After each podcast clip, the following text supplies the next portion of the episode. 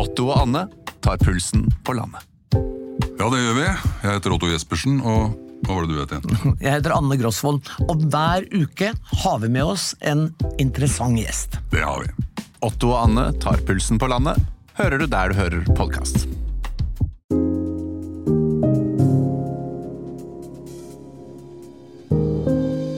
Fredrik og Kadafi, en podkast fra TV 2.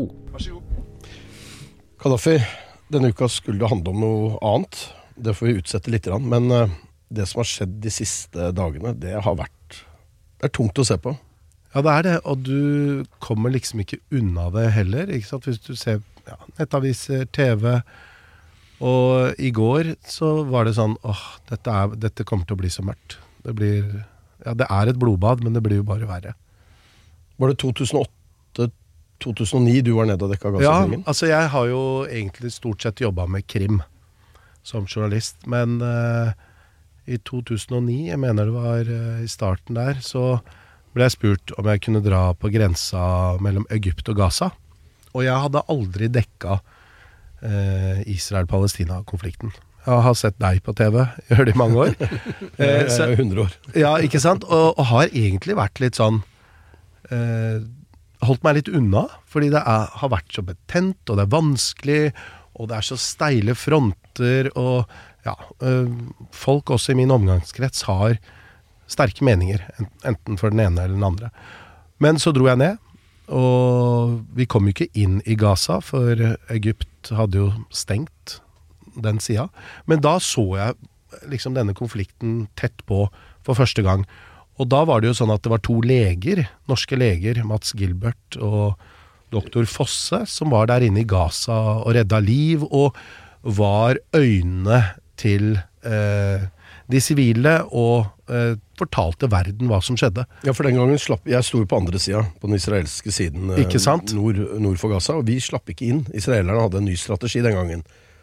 Journalister skulle ikke få lov å se hva som skjedde. Eller det vil si, de begrunnet det med at det var fare for oss, da. Men eh, det er vi jo av og til vant til.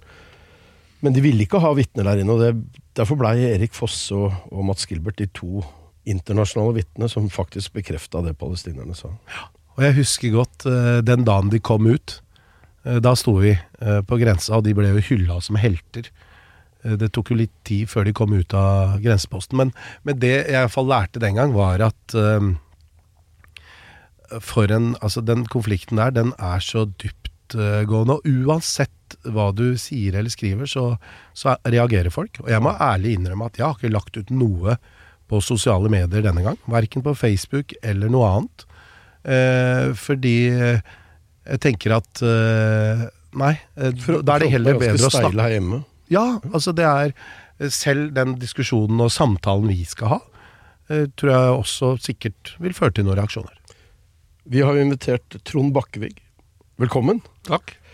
Eh, Du er teolog. Du har vært prest og prost. Og, men du er brobygger og, og fredselsker også? Det er jeg. Jeg har eh, arbeidet lenge med å etablere samarbeid og samtaler mellom eh, religiøse ledere i Jerusalem. De har møtt jeg- hverandre der nede noen ganger. Vi har møtt hverandre der. Ja, det har vi. Hva tenker du om det som skjer nå? Nei, jeg blir ja, Altså, jeg sukker dypt, fordi jeg syns det er helt forferdelig. Altså, det er, det er terrorisme og en bestialitet som er eh, helt grenseløs. Altså, når vi ser disse blodsporene i bilene og på gulvene og sånt noe, så er det Altså, du begriper ikke hvordan mennesker kan få seg til å gjøre sånt noe. Og så er det akkurat som vi spurte etter at Anders Behring Breivik hadde hadde begått sin udåd, så spurte vi hva var det vi gjorde gærent som gjorde at, at, sånt, at en sånn person kunne komme frem. Og den samtalen Jeg skjønner at, vi, at det kan ta litt tid før vi kommer i gang med den samtalen, men den er, den er helt nødvendig. Uh, og så blir jeg litt nervøs for å si det, fordi eh, jeg merker når jeg ser på og leser sosiale medier, så er det liksom tabu å, å, å si noe sånt noe. Men det må gå an å være helt entydig i sin fordømmelse av det som har skjedd, og samtidig hvordan kunne dette Hva er bakgrunnen? Hvordan kunne dette oppstå? Årsakene er jo viktige. Ja, det er viktige, og så er det, det er et eller annet med men jeg har vært i Sør-Afrika, jeg har vært her. Og jeg har, sett, jeg har sett mye motstandsarbeid. Både sivil motstand, og jeg har også hatt kontakt med folk som har drevet med voldelig motstand. Ikke i Palestina, men i, i forbindelse med Sør-Afrika. Og så har jeg sett hva det som er en legitim motstand, og fullt forståelig når du møter et apartheidregime eller en okkupasjon. Altså Det er ikke vanskelig å forstå at det er motstand mot okkupasjon. Når er det den overgangen skjer hvor motstand blir bestialsk, terrorisme? Og der Den interesserer meg litt. For jeg tror det er på det punktet at vi er borti noe som har å gjøre med menneskesyn og kultur. Og da sier jeg ikke at liksom, dette handler om vestlig mot andre deler av verden, for det gjør det ikke. Altså, Vesten har nok av bestialitetens historie med seg til at vi vet at det ikke handler om det. Men, men oppdragelse Jeg vet ikke. Men, men Fredrik, når, når dekka du denne konflikten første gang? Uh, som journalist i 1993. Ikke sant? Og du har jo møtt uh, de som grunnla Hamas. Ja, Sheikh Yasin har jeg møtt og intervjuet flere ganger. Jeg møtte uh, nåværende leder, politisk leder av Hamas, Ismail Haniye. Sist gang var jo 2015 i Gaza. Uh, han, Sheikh Yasin, var veldig sånn tydelig på at å tro mot Hamas sitt originale uh, charter, med at de skulle ha tilbake hele landet. mens mens Ismail Haniya er en jeg oppfatter som en veldig pragmatisk fyr. En som har sagt at han aksepterer at Israel er der, men nå må vi på en måte finne en eller annen løsning som gjør at og Han ble også valgt. Palestinerne har hatt et, et valg. Da vant Hamas. Og Haniyeh ble statsminister, men ikke anerkjent av resten av verden. Men, men eh, det som du sier nå, når det bikker over, da altså Man blir jo sjokkert når man ser eh, Ja, det er jo et terrorangrep inne i Israel hvor man dreper sivile. Og skyter og folk, unge som danser på musikkfestival. Hvor, hvorfor Altså, har, hvorfor har man bikka over? Det, det, jeg la merke til på 90-tallet, da jeg dekket dette, så var jo, det, da hadde Oslo-avtalen kommet. Og det var så enorm eh, optimisme i Israel, store deler av israelske samfunnet. Og eh, ikke minst på Gazastripen. Blant palestinerne som plutselig ikke hadde portforbud lenger. Og, ikke sant? De fikk landet sitt litt sånn tilbake. Fikk eh, Arafat inn der og den optimismen den forsvant jo, og Hamas er jo mye av grunnen til det. For Hamas drev jo og motarbeidet Oslo-avtalen. De motarbeidet en tostatsløsning. De, de gjennomførte terroraksjon på terroraksjon på, på 90-tallet. Sprengte busser.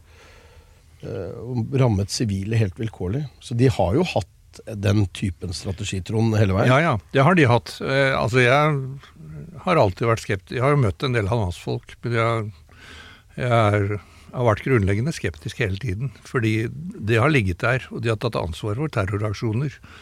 Ikke dette omfanget som vi nå ser, men, men også ganske store terroraksjoner. Sånn at uh, det er ikke noe egentlig Terror er ikke noe nytt. Uh, det som er nytt, er omfanget, og det er altså Det, det, det er også bestialiteten. Altså Eh, en ting er å sprenge en buss, eh, holdt jeg på å si. Ikke det at det skal på noen måte forsvares, men når du ser at de åpenbart har dratt folk blødende, og de nå gikk, fikk jo beskjed om halshogging og en del av disse bortføringene som de også driver med, er, de har tatt det til et nytt steg. Eh, og så kan ikke noen av de forrige stegene forsvares, men men det, er, det har bikket enda mer, altså. Mm. Du har jo drevet med dialogarbeid. Når, når, begynte du med det der nede? 1996. Ja. ja. Men altså rett i kjølvannet av Oslo-avtalene. Og det var egentlig en frukt av Oslo-avtalene, fordi, fordi Oslo-avtalene inneholdt jo omtrent ingenting om religion, og ingenting om Jerusalem. Og hvis du spør hvorfor er Jerusalem viktig, det, noe, det ikke, ligger ikke innenfor noen handelsruter. Både fra India og fra Kina gikk de nord og sør for eh, Jerusalem. Det er ikke noe mineraler, ikke noe olje, ikke militærstrategisk viktig. Jerusalem, som min gode sekulariserte muslimske venn, professor i historie, sa, da Jerusalem fant opp Gud, så hadde de en vannforsyning til 300 mennesker. Siden måtte de gjøre noe med det. Og, og, og siden er jo Altså, det, hvis, hvis, det er fordi verden interesserer seg for konflikt, så finnes det jo nok av andre konflikter i verden å interessere seg for. Altså Hvorfor er ikke verdenspressen i Kongo, f.eks., hvor det har pågått hele tiden? Men de er i Jerusalem, og det er Vi kan si religion, men vi kan også si det er på grunn av Gud. Mm. Og det, det, er, det er jo ingen annen grunn. Ellers ville Jerusalem vært en liten ørkenby. Men dette er en by som er viktig for alle de tre ja. eh, religionene? Ja, den er viktig for alle tre religionene. Det, for jødene så er den viktig fordi det var det landet de kom til, det var der de skulle slå seg ned, det var det de vendte tilbake til da de kom fra Egypt, det var der de bygget sitt første tempel. Uh, sånn på 800-900-tallet, så ble det ødelagt, og så bygde de et nytt tempel. Og så, og så, er det på en måte en del av den jødiske historien. Og det fins altså hele, hele, deres bibel, altså vårt kristnes Gamle testamente, er jo en fortelling om tilknytning til landet. Og så døde var Jesus der, han var jo jøde. Eh, døde og oppsto i Jerusalem. Og så spredte kristendommen seg ut over jøde, altså den jødedommens grenser. Og så ble den viktig for hele den kristne verden. Sånn at det kristne kirkes, hvis vi skal snakke i entall, sentralsted er jo gravkirken i Jerusalem. Det er ikke noe annet sted i verden som har den. Som er bygget over der? Som er bygget over der Jesus døde, og der graven er. Og så kom muslimene som en fortsettelse av de to foregående religioner. De regner jo liksom Både Jesus og Moses og Abraham og alt sammen er profeter i islam og knyttet seg til Jerusalem. Vendte seg først til Jerusalem når de skulle be, siden til Mekka, men det var jo fra Jerusalem at, at profeten steg til himmels for å ha sin himmelske samtale med Gud, bl.a. om hvor ofte de skulle be. Og så mente Gud til å begynne med at det skulle være 50 ganger om dagen. Oi, det hørtes mye ut. Men, men Moses, Moses, sa til profeten nei, det er altfor mye, jeg får ikke mitt folk til å be så mye. Så de fikk forhandlet det ned til fem ganger om dagen. Som muslim er det godt å høre. ja. så, men siden så har jo også da Jerusalem vært en hellig by for, for muslimer. Knyttet masse til omkring pilegrimstenkning og sånt. Sånn at det er de tre religionene. Og det er jo de tre store, eller de to store og den for så vidt lille, men alle tre er verdensreligioner. Men det er jo ikke sant, Jerusalem er viktig i denne konflikten. Tostatsløsning flyktningene. Hvordan, hvordan, ser du det du ser nå? Er det, noe, er det noe håp? Nei, altså jeg har lært av Vaklav Havel at uh, jeg tror ikke at alt går til helvete. For jeg er ikke pessimist. Jeg tror heller ikke at alt blir bra, for jeg er ikke optimist. Men jeg har håp. Men hva håpet skal knyttes til nå, det er noen som kaster, kaller, snakker om den svarte svanen, som jo angivelig ikke skulle finnes som er da en svane som plutselig dukker opp. Altså noe som plutselig skjer, som er uventet.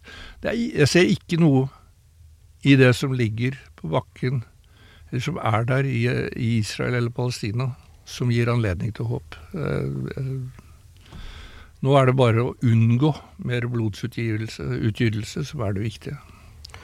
Jeg merker sånn utmattelse når det gjelder denne, denne konflikten. Fordi den optimismen jeg så da etter Oslo-avtalen, den forsvant jo. Ja, det ble torpedert og bombet i stykker av alle motstanderne på begge sider. Men um, Ja, for Fredrik, bare litt om det. Altså Én ting er at Hamas ikke var noe tilhenger av det. Men Israel òg har jo på en måte beveget seg, ikke på en måte, men har jo bevega seg i en ytterliggående høyrepopulistisk retning. Iallfall ja, myndighetene. Vi så jo i 95 så ble uh, Yitzhak Rabin, statsministeren, uh, drept. Det var han som frontet Oslo-avtalen. Eh, på vegne av eh, israelerne. Eh, og det var av, av Altså, det var mange som hata ham. Ikke minst bosetterne og de på mm. høyresida av israelsk politikk. Fordi de vil jo at dette her skal altså, De snakker om, om Stor-Israel, som inkluderer hele Vestbredden, som er det palestinske området, som norske myndigheter i dag omtaler som Palestina. Så De var jo redd for at de skulle miste det landområdet. Og det vi har sett de siste årene, er jo en stadig utbygging av bosettingene på, på Vestbredden. Ja, og da Netanyahu nå var i FN nylig, så viste han jo frem et kart hvor han, skulle, altså han snakket om freds, mulige fredsavtaler mellom Saudi-Arabia og Israel. Så viste han frem et kart for hele FN, og på det kartet så fantes jo ikke Vestbredden. Altså Israel var hele nåværende Altså Israel innenfor 67-grensene og hele Vestbredden. Det var det kartet han viste frem. Og han har jo omtalt Judea og Samaria, som han kaller det, for, som, som vårt. Så Netanyahu har jo ved det undergravd hele tanken om en tostatsløsning. Så kan man spørre hva han da tenkt å gjøre med palestinerne? Skal de leve uten rettigheter, eller skal de og det, Ja, altså Foreløpig tror jeg man bare må holde fast ved tostatsløsningen, som, i hvert fall som en idé. Men, men, det viktige, om det blir det eller om det blir en enstatsløsning Poenget er at det blir ingen fred før alle har de samme rettighetene. Det er, det er historiens lærdom, altså. Men en enstatsløsning er jo et demografisk problem for Israel, i hvert fall så lenge man ønsker å ha en jødisk stat. Ja, men da må de løse dette på annen måte, og da må de ta initiativ til å gjøre det. Og det fins gode israelske politikere som jo sier akkurat dette. altså Tidligere utenriksminister Tzipi Livni er jo en av dem som sier det. At skal vi redde den jødiske stat, så må vi ha en tostatsløsning. Altså Når vi nå kommer over de første sjokkene og de tingene, og liksom får tingene mer en samtale i gang, så tenker jeg så må vi få en diskusjon om dette. Og det, altså, Jeg møter jo en del som bare sier at tostatsløsningen er død. Ja, sier jeg, men hva er alternativet? Altså, du skal du skal ikke bare frem til et ideal, men skal, det er faktisk en ganske lang vei mellom det som er nå, og det som eventuelt skal være en enstatsløsning. eller en tostatsløsning. Det får vi se. Men hva, hva, er det viktigste her når det gjelder denne konflikten? Er det land, eller er det religion? Det tror jeg fordi altså for en del av de religiøse i dette området, så, så kan du ikke skjelne det. Uh, uh, det, gjelder, det gjelder på høyresiden hos muslimer, og det gjelder på høyresiden hos, uh, hos jøder. de kristne vil hele tiden si det er land. for de har løst Altså, de har ikke det der territorielle forbindelsen. Og Derfor er de kristnes nærvær veldig viktig i, i, denne, i, dette området, for de representerer en alternativ røst. Men jeg, du løser ikke Altså, du må også lage litt teologi. uh, du må lage litt muslimsk teologi, og du må lage litt uh, jødisk teologi. Og min, uh, noen av mine jødiske venner sier vi tror at Gud ga oss hele landet.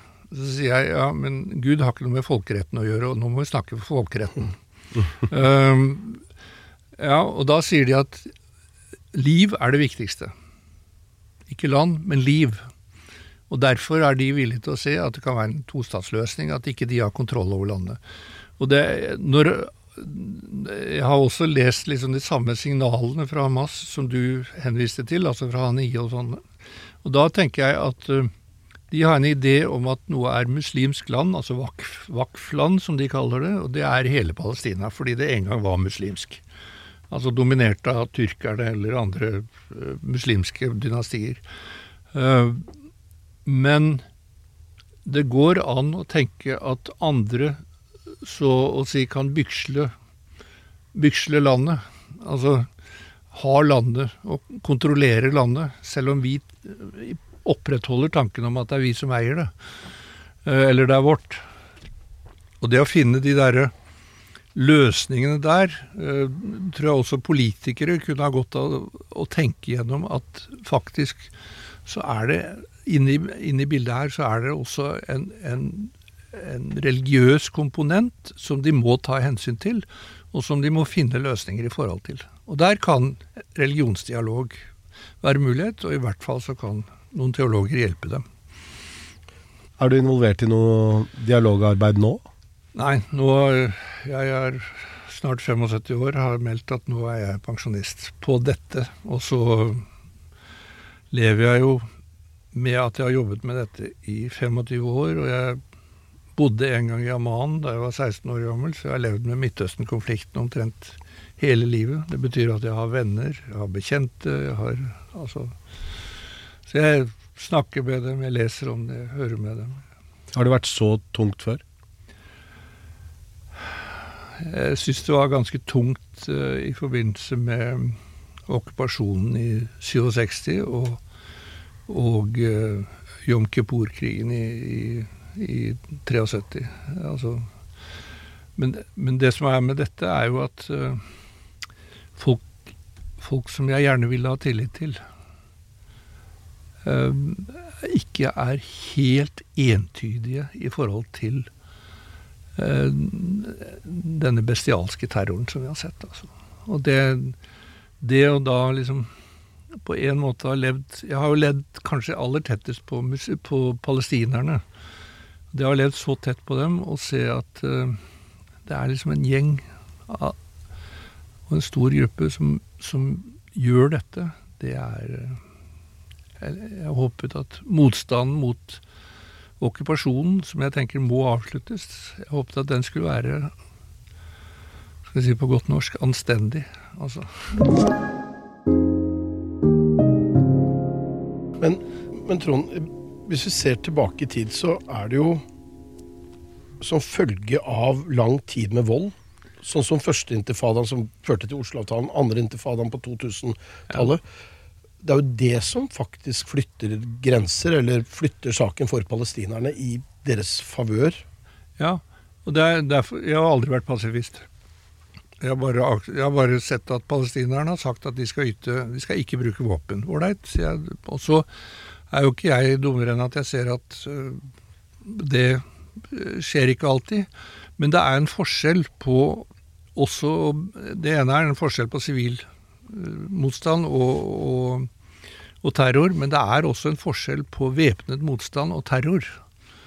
Altså væpnet motstand følger folkerettens regler. Den er rettet mot militære installasjoner og mot militære. Og den har, tar hensyn til at det ikke Altså det som kalles collateral damage, altså sidevirkninger som går utover over de sivile. Og den skal føres, og skal den avsluttes med fred. Jeg har jo også en doktorgrad hvor jeg har skrevet om ting med heldig, rettferdig krig. sånn at jeg liksom det, Dette sitter i meg. Og det gjør jo at, at jeg har ikke noe Jeg har i og for seg ikke problem med at et okkupert folk sier at vi må bruke våpen. Men da skal de bruke det innenfor folkerettens rammer, og innenfor det som er legitim motstand. Men jeg, i Israel-Palestina så tror jeg også at bruk av vold Den erfaringen der er jo bare at det fører til en motvold som er, ganske, som er så kraftig at, uh, at det er verre. Den ekstreme terroren vi har sett nå, det legitimerer jo også en voldsom respons fra Israel. Det gjør det. Det gjør det. Men uh, håpet er jo nå at Eller det som Israel er jo også bundet av folkeretten. Og jeg syns det er veldig problematisk når, øh, når hærsjefen sier at de er dyr. Altså Da er han over i et menneskesyn som jeg syns er helt uakseptabelt, for å si det rett ut. Det andre er når de stenger av vann, strøm og mat til en hel befolkning. Da, da rammer du sivilbefolkningen på en sånn måte som ikke er hjemlet i folkeretten i det hele tatt. Dette ser vi jo andre steder eh, hvor det er krig også. Ja, det er det. det folkeretten er der for at den skal følges i krig, ikke for at, den skal, ikke for at vi skal rose oss av den når det er fred. Det jeg lurer på, Fredrik, er altså konsekvensene for andre land eller avtaler i regionen. Nå var det jo gode samtaler på gang mellom Israel og Saudi-Arabia. Hadde de fått til en deal der, så hadde jo det vært historisk. Hva, hva skjer der? Nei, nå er det jo, ikke sant vi, vi, Dette er jo sted for konspirasjons... Dette må være konspirasjonsteorienes uh, vugge. Men, men uh, uh, her er det jo eh, sånn at Hamas støttes av Iran. Og Iran har jo ingen glede av å se at eh, Saudi-Arabia har et godt, forhold med noen. Det er altså, Iran og Saudi-Arabia er de sto, to store konkurrentene om uh, å lede den muslimske verden. Ja, på den annen side så har da Saudi-Arabia og Iran inngått en avtale om, hvor de gjenopptar diplomatiske forbindelser. Sånn at uh, det er jo en del paradokser i dette. Det som jeg tror uh, Altså Problemet i disse arabiske landene som har inngått avtaler med, med Israel, er jo at de har jo ikke noe Ingen av regimene har noe veldig bred folkelig støtte. De gjør det for å tekkes USA, kanskje? De gjør det for å tekkes USA, og kanskje har de økonomisk gevinst av det selv. Og det er jo teknologi, det er våpenhandel. altså Det er veldig mange elementer i dette. Og det er vel allerede et ganske utviklet etterretningssamarbeid, tror jeg, med Israel og en del av disse landene. Eh, men jeg tror at nå vil ikke de våge å gå videre pga. sin egen befolkning. Jeg har aldri vært på Vestbredden, men det har jo dere. Kan dette spre seg dit, eller eskalere? Nei, det, nei, ikke i samme omfang. Altså det, det, det er opplagt at du fins altså Hamas har også celler på Vestbredden. Det vet vi. Eh, og en del av disse tingene som har vært i Jenin og Nablus og sånt nå, er jo sannsynligvis knyttet også til, til Hamas. Og en del av de terroraksjonene som du da har sett inne på israelske områder, hvor, hvor det har kommet folk derfra, Uh, og jeg tror også fra den arabiske eller palestinske befolkningen i Israel. Men, men jeg tror ikke du det, du får ikke til et, et sånt omfang. Og det som jo også var her, var jo at eh, du hadde hele den du hadde en hel befolkning på den ene siden av gjerdet, og, og hele militærapparatet på den andre siden av gjerdet. På Vestbredden så har du militærapparatet spredd utover hele veien. Sånn at du, du vil aldri få muligheten til å samle så mange til at det, at det kan bli noe. Så det, det er liksom én fortolkning av det. Jeg tror også at Vestbreddens folk er ikke Altså de Hamas har ganske solid støtte fordi de har, de har vært regnet som ukorrupte. Og, og det gjelder jo ikke akkurat palestinske myndigheter, eh, for å si det mildt. Og derfor har Hamas hatt en, en viss eh, støtte. Men til dette tror jeg ikke Hamas har støtte. Det er ikke så bred støtte, i hvert fall. Altså, når jeg snakker med folk, så merker jeg jo at de har vanskelig for å si liksom fordømme det. Men de ville aldri De ville aldri gjort det selv, altså, for å si det sånn. Men når dødstallene stiger, og det kommer Ja. de til å gjøre nå, Ja. og de kommer til å stige til voldsomme tall, tall vi ikke er vant til å høre, antageligvis, Ja. dessverre. Da vil jo dette brorskapet mellom palestinerne på, på Vestbredden og eh, på Gazastripen på et eller annet tidspunkt være så sterkt at motstanden begynner å vokse, tror du ikke det? Mot, mot israelske angrep? Jo, men det er bare Du ser jo Altså, det som har vært mest av på Vestbredden, er jo bosettervold mot palestinske landsbyer eller mot palestinske bønder. Og, og det du har sett, er jo at de har fått til sånne grupperinger i Nablus og Jenin og et par andre steder. Eh, som liksom er litt sånn Hvor det blir litt sånn Som er byer shootouts. på Vestbredden. Som er byer på Vestbredden, og hvor det har blitt litt sånn shootouts. Altså skuddvekslinger og sånt noe. Men det har aldri blitt det har, det det har aldri, Du har aldri sett den bestialiteten utfolde seg. Det har vært noen episoder også i forhold til bosettere, men, men uh, det har vært veldig få, altså. Så jeg, jeg har ikke noe Jeg tror rett og slett ikke de fysiske forutsetningene for å få til den type angrep er til stede. Men men når bildene fra Gaza kommer til å komme nå fremover, Ja. ikke sant, med døde barn og skoler som blir bomba, og det blir grusomt der også. Og jeg ser jo allerede i andre muslimske land, altså avisen og nyhetsreportasjene derfra, det, det er jo en helt annen dekning enn det vi ser her i den vestlige verden og, og, og i Norge. Det kan jo, altså denne, På mange måter så har man jo ikke snakka så mye om palestinernes sak, eh, heller ikke muslimske land. Nei. Dette eh, er jo, gjør jo at det er på dagsordenen igjen. Det er på dagsordenen igjen. Og det er jo Ja, for det har druknet i Ukraina og Ja, ja. Og det, er, altså, og det drukner også i, det, i disse avtaleforsøkene som er mellom Israel og arabiske land. Så, altså, det at Netanyahu kan prestere, presentere et kart uten Vestbredden, er et symptom på, på akkurat dette, at denne usynliggjøringen av palestinerne. Den er historisk veldig vanlig. Altså, dette er ikke noe nytt i historien. Palestinerne har vært usynliggjort og falt mellom mange stoler i hundrevis av år.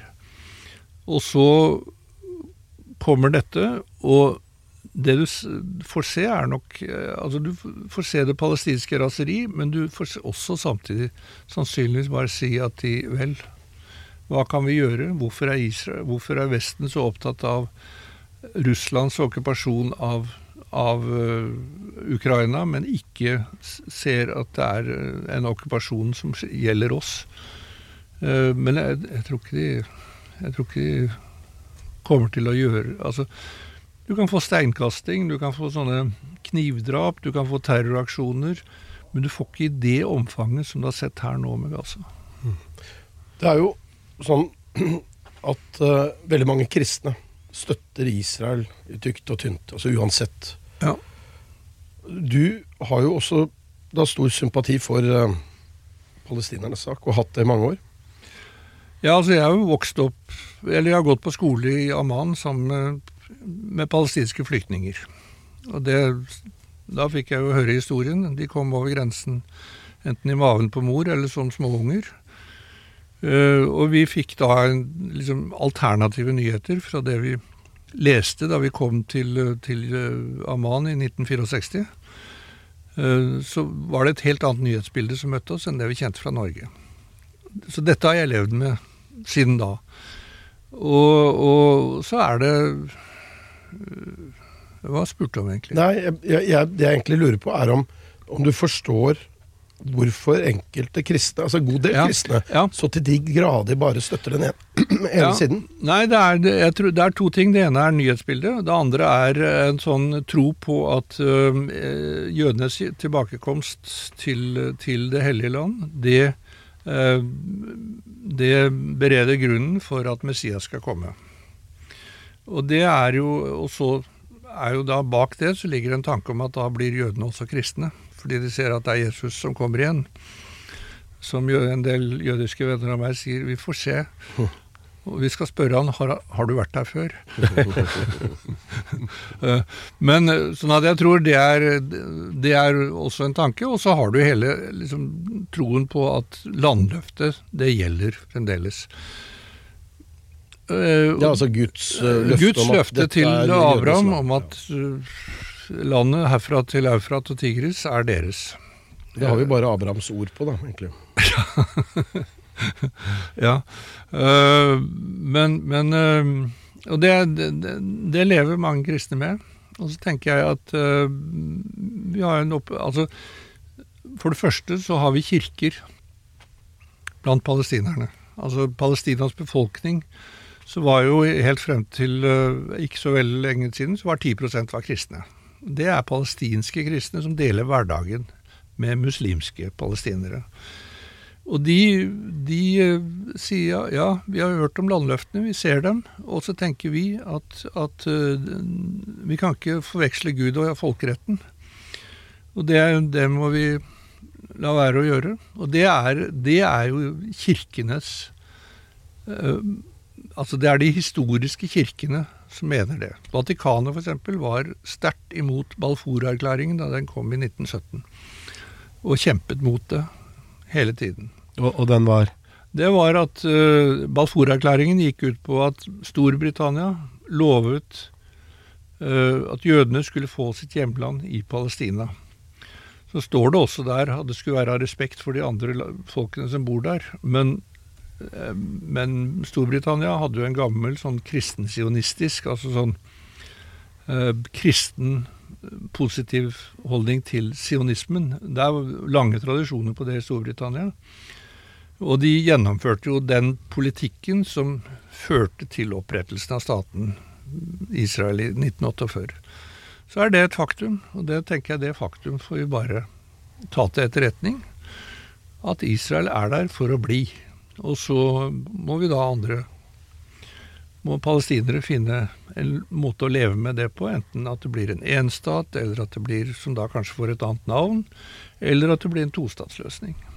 Men, men eh, det er ingen vei utenom, utenom å finne, avfinne seg med at uh, jøder er der, og de har vært der hele tiden. Altså, det var jo ikke sånn at de kom tilbake rundt 1900. De hadde vært der.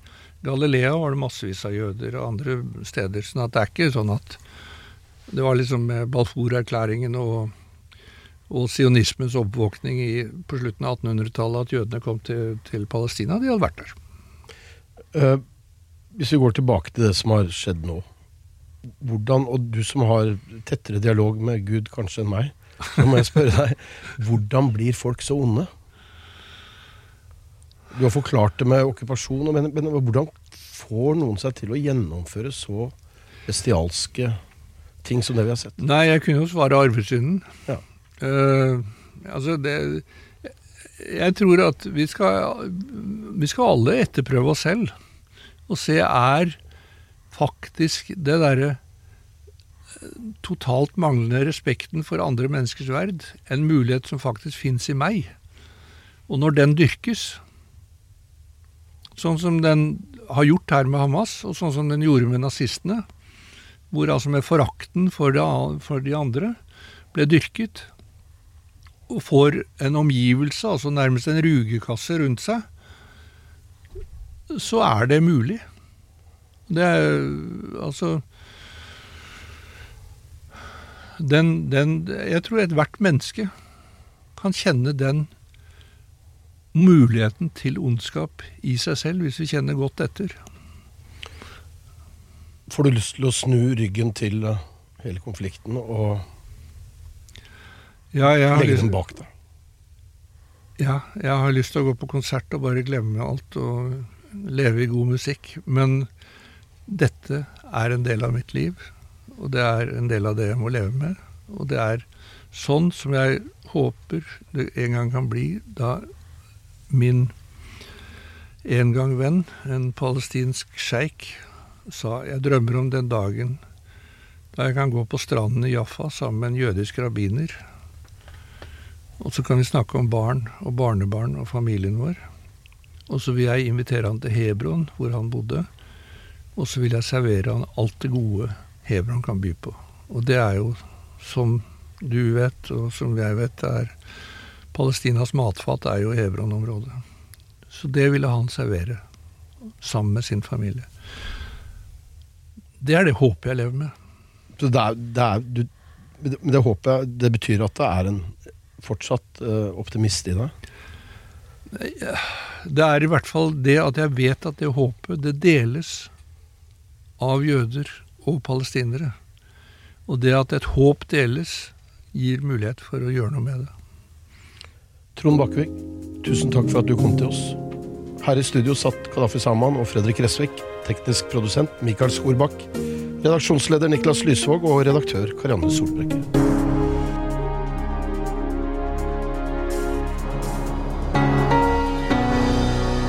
Denne podkasten er produsert av Bauer Media for TV 2.